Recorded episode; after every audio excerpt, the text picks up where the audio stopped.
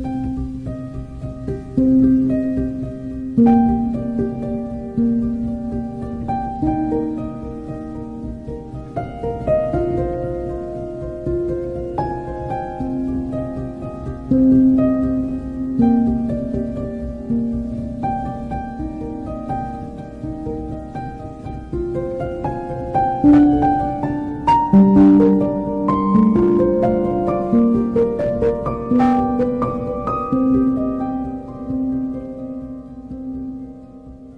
Jy luister kortom waar ons heerlik tot verhaal kom en jy's weer baie welkom. Ons gaan vanaand luister na 'n hele paar kort kort verhale. Twee van hulle deur Francie Philips en dan nog twee uit die pen van Petra Miller. Ek het dit gekry in die nuwe Afrikaanse prosa boek, saamgestel deur Sonja Loots en Stewart van Wyk en uitgegee deur Iman en Resou in 2019. Janie Greef gaan dit vir ons voorlees.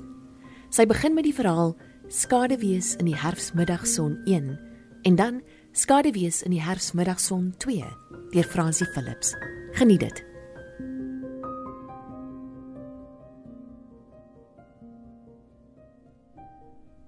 Teen 10 oor 3 lê die vrou wat herfsverhale skryf se kind nog in slaap. Die partytjie het 3 uur al begin, dink die vrou. Vir 'n rukkie staan sy en kyk hoe groot die slapende kind al is. En dan gaan sit sy in die sitkamer en borduur. Die oggend wou sy 'n stokperd gaan koop vir die kind se maatjie wat verjaar. Sy kon egter nie 'n stokperd in die hande kry nie. In die plek daarvan het sy 'n teestel van porselein gekoop. Die kind se maatjie sal 'n verlore stokperd nooit mis nie, dink die vrou met 'n hartseer wat onnodig is. Sy sit haar borduurwerk neer as sy die kind in die kamer hoor wakker word. Hulle is meer as 'n halfuur laat vir die partytjie. Die partytjie word op 'n klein grasperk in 'n binneplaas gehou. In die geselskap waar die vrou wat hersverhale skryf beland, word daar gepraat oor die film Cyrano de Bergerac, oor die boek Foucault's Pendulum, oor die toekoms van Afrikaans en, en oor 'n filosoof met die naam Walter Benjamin van wie die vrou nog nie voorheen gehoor het nie. Omdat die vrou wat hersverhale skryf in 'n melankoliese bui is, laat sy alle geleenthede om aan die gesprek deel te neem verlore gaan. Later kom sy die kind wat verjaar se pa by die vrou. 'n Mens kan sien dat die herfs nou nader kom, sê hy. Daar's 'n soort melankolie in die lug. Die vrou wat hersverhale skryf knik. Sy dink aan 'n skildery van De Chirico van 'n geheimsinnige skaduwee in die herfsmiddagson. Haar kind sit langs haar op die gras en droom in die flou son. 'n Eentjie weg kan 'n mens die stemme hoor van kinders wat op die grasperk speel. 'n Ouerige vrou kom by die vrou wat herfsverhale skryf aan. Sy kyk in die rigting van die kind. "Voel sy nie lus om saam met die ander kinders te gaan speel nie?" vra die ouerige vrou. Die vrou wat herfsverhale skryf, haal haar skouers op. "Ek dink sy voel 'n bietjie siek." "Ons is die tyd van die jaar," sê die ouerige vrou. Sy streel oor die kind se hare. Hulle word so gou groot. Dis net soos 'n droom en dan is alles verby. Die vrou wat hersverhale skryf antwoord nie. Van sy sit en kyk na 'n kind se uitgerekte skaduwee wat oor die grasperk val.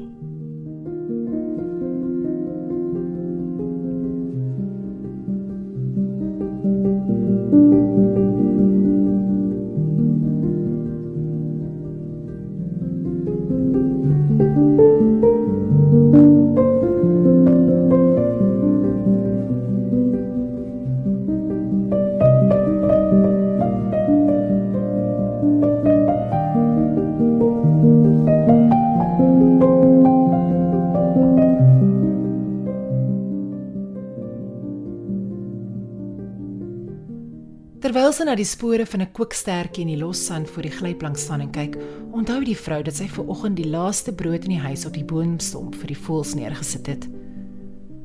Die kind hardloop agter om die glyplank en begin met die leertjie na bo te klim. 'n Rukkie later gly die kind op haar maag teen die glyplank af. "Ons moet nou loop," sê die vrou vir die kind. "Ek moet gaan brood kry by die bakkery." "Ek wil nog een keer gly," sê die kind. Die vrou knik afwesig. 'n Romeis karretjie ry voor die hekkie van die park verby. Die een hoek van die park is beplant met roosbome wat seker binnekort gesnoei sal word. In die middel van die park sit 'n boemelaar tussen die dooie blare onder 'n boom. Die kind gly met die glyplank af en kom staan langs die vrou. Die vrou neem die kind se hand en loop na die hekkie. Net buite die park gaan staan die kind om 'n akker op te tel en in die vrou se treisak te gooi. Haar akkedis hardloop oor die voetpad in die lig van die son. Die kind tel 'n rooi blaar op en gooi dit in die vrou se treisak. Vir 'n oomblik is die vrou wat hersverhale skryf bewus van menstruele bloed wat uit haar vloei. Dan kyk sy na die fyn skaduwee wat 'n insek op die sementvoetpad gooi.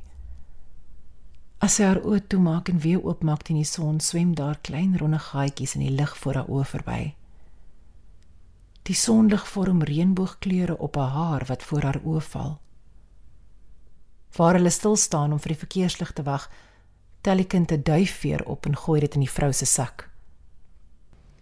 Op die hoek waar Fernden en Kerkstraat mekaar kruis, kom daar 'n polisiemotor en 'n ambulans by hulle verby. 'n Entjie verder sien sy die verkeer ophoop voor 'n stikkende busie en 'n motorfiets wat skuins oor die pad lê. Sy neem die kind se hand en loop oor die verkeerslig voor die bakkery. Buite die bakkery staan 'n klomp mense na die ongeluk in die pad en kyk. Tussen die mense deur kan die vrou die liggame van twee mans onder 'n stuk plat aluminium sien lê. Sy dink terug aan die liggaam van 'n man wat sy toe sy klein was in die pad sien lê het na hy raak gery is deur 'n vragmotor. In haar herinnering neem die man die vorm van 'n skaduwee aan. Die kind, wat die ongeluk nie opgemerk het nie, loop en kyk na haar skaduwee op die sementstoep voor die bakkery. Sy swaai haar arms heen en weer en lag wanneer haar skaduwee dieselfde doen. Binne die bakkery staan die mense deur die venster na die ongeluk en kyk. Die vrou wat hersverhale skryf, betaal vir die brood en loop met 'n ompad agter die bakkery verby. By die hekkie voor haar huis haal sy 'n akker, 'n rooi blaar en 'n duifveer uit haar truise sak. Sy laat dit in die los sand voor die hekkie val. Naby die soem van haar rok merk sy 'n baie klein bloedspatsel op. Wanneer sy 'n paar dae later weer gaan brood koop, lê daar net 'n paar stukkies glas langs die straat voor die bakkery.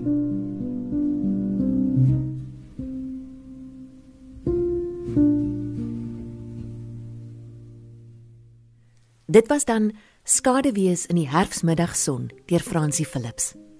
Die volgende twee verhale wat Janie gaan voorlees, is deur Petra Miller en sy gaan begin met Onstilbaar op die noot van E kruis.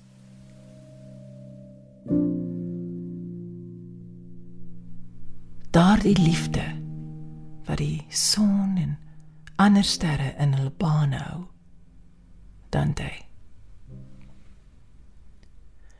Die bees het gesterf in die groot droogte en wel in 'n diep kloof waar daar selde mense verbykom Daar is verwoesting in die bossies waar haar kloue rondgemaal het Sy word vermis maar nie gevind nie en niemand kom hinder haar in die langsame werk van verval nie wind en weer kom verby, ook roofvoëls en 'n enkele jakkals. Later ook 'n horde plat goggas en 'n lewende duisternis wurms. Die bees versadig almal. Snags kom die sterre verby en die maan wentel van volheid tot maarte en terug. 'n Wild geworde hond kom verby en knaag 'n tyd lank aan die beeskop. Toe daar niks eetbaars meer oor is nie, draf hy weg. Nou kom daar tog 'n kind verby wat in die diep kloof afskuur. Maar is te veel moeite om die bene die kloof uit te sleep. En omdat hy bang is vir hondstolheid raak hy nie in die kop nie. Die kop lê alleen. In blik wit. Die son kom getrou verby en snags ook die sterre. Donder weer speel oor die rande en 'n tyd lank val daar swaar baie reën. Gras oorgroei die beeskop, verdor en vergaan met 'n geritsel. 'n Spinnekop spin die beeskop se neusgleuf doen, leef van blink goggas wat hul vasvlieg in onsigbaarheid. Dit sien die sterre snags. Nou is die veld weer dor en dit lyk na nog 'n droogte. Die skaduwee van aasvol skuif oor die kloof en gly dan teen die rand weg. Snags kom die sterre verby en kyk na die ooptes van die veld waarin geen enkele dam meer 'n sterrebeeld kan weerspieël nie. 'n Eindelose wind steek op en vee die laaste asemlewe weg. Die beeskop lê leeg en verlate. Wat nou van ons? Klaar die sterre. Jy het alles vir almal weggegee en wat het jy vir ons gegee? Die wind steek sterker op en die beeskop begin sing onstilbaar op die noot van eekruis waarin ook die sterre sing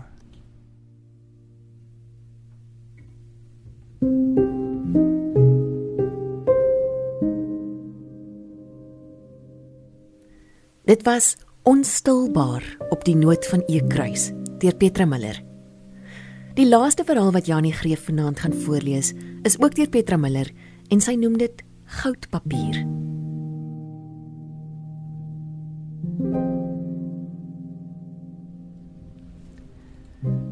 Namiddag as meisie met haar werk klaar is, is sy nors en kwaai. Sy gaan was haar agter die besembosse by die stroom en stap stadig terug na haar soetreikende kamer onder die soldertrap, vanwaar sy kan uitkyk oor die ou pad wat deur kompanjiesdrif se drif loop en daarna teen die hoogte van Rooiheuwel uit. Meisie sit roerloos op die rand van die bed.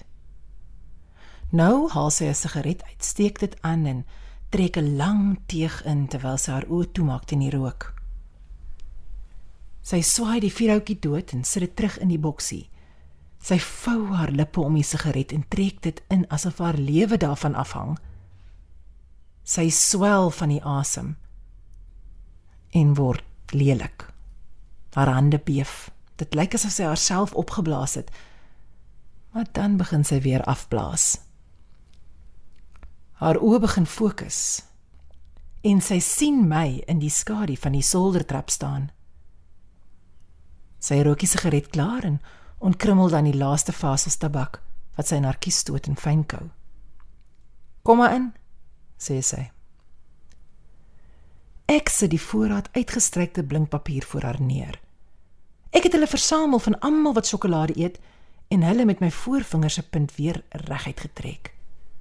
Daar is heerlike bloues vandag en 'n paar van die skaars perses as ook geeles. Wites en rooies is volop soos altyd. Maar ons werk hier met bonte sê.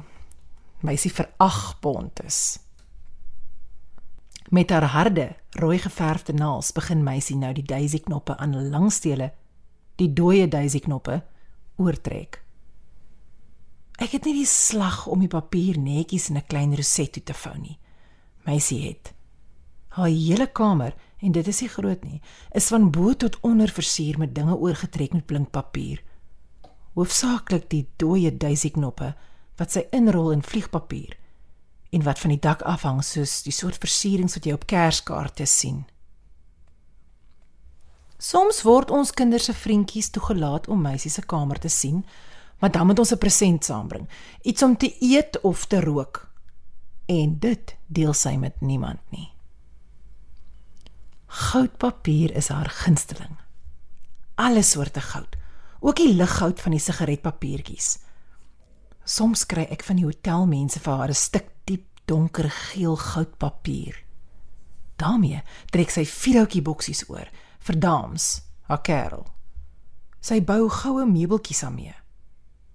Dames hou van die goud. O ons het hom nog nooit gesien nie. Dames word nie toegelaat om by ons huis te kom nie. Maar Vrydagmiddag loop meisie met haar koffertjie vol goudgoedjies in die pad deur die drif af teen rooi heuwel se hoogte uit. En maandagooggend kom sy terug sonder die goudgoed.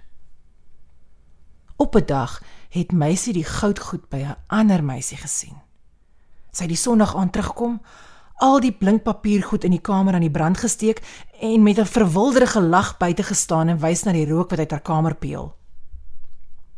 Ons is aangesê om meisie nie lastig te val met vrae nie. Sy het by die sloot langs rondgedwaal tot haar kamer weer uitgeverf was. Is alles baie leeg daar en dit reuk na brand. Sy sit weer op die rand van die bed. Daar is weer iets van soetpoeier en sigaretrook in die reuk wat daar uitkom. Haar verskrikte oë swaai om na my waar ek onder die trap skuil. Sy wink my nader met haar bewende voorvinger. "Klein oises," fluister sy. "Gaan half my nog goudpapier by die hotel."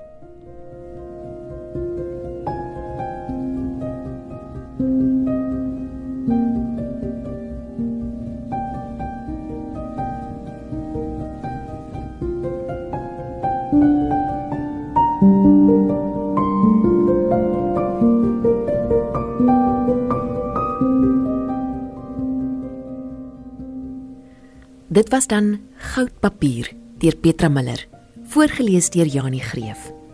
'n Heerlike aand vir jou. Tot volgende keer.